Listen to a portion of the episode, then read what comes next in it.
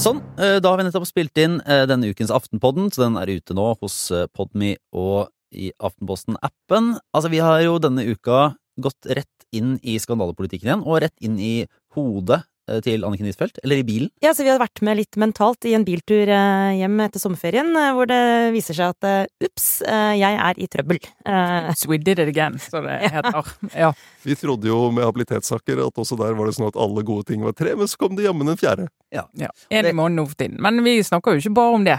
Nei, nei, vi går jo inn i, i, eh, hva skal jeg si, eh, i borgerlig eh, uro, Ikke bare, samarbeidsmuligheter. ikke bare borgerlig heller. Borgerlig Det er heller, sånn at nei. ting skjer, det skjer ting i sentrum. Ja, og det er eh, mildt kaos, eh, gøy Sur- kaos i Surre sentrum. sentrum. Surre Ja. sentrum. Ja. Det er eh, I de store grenseoppgangene. byene. Ja, det er det man, man går opp i, i valgkampen og, og snakker om eh, samarbeid eh, og hvordan det ligger an. Og så har vi en eh, liten runde på, på slutten der om eh, hva skal jeg si, genera nye generasjonsbegreper. Ja, altså jeg lanserer et nytt begrep eh, for eh, vår generasjon, eh, til sånn passe eh, mottakelse, vil jeg si. Men vi Jeg er, snakker jeg om, er imot.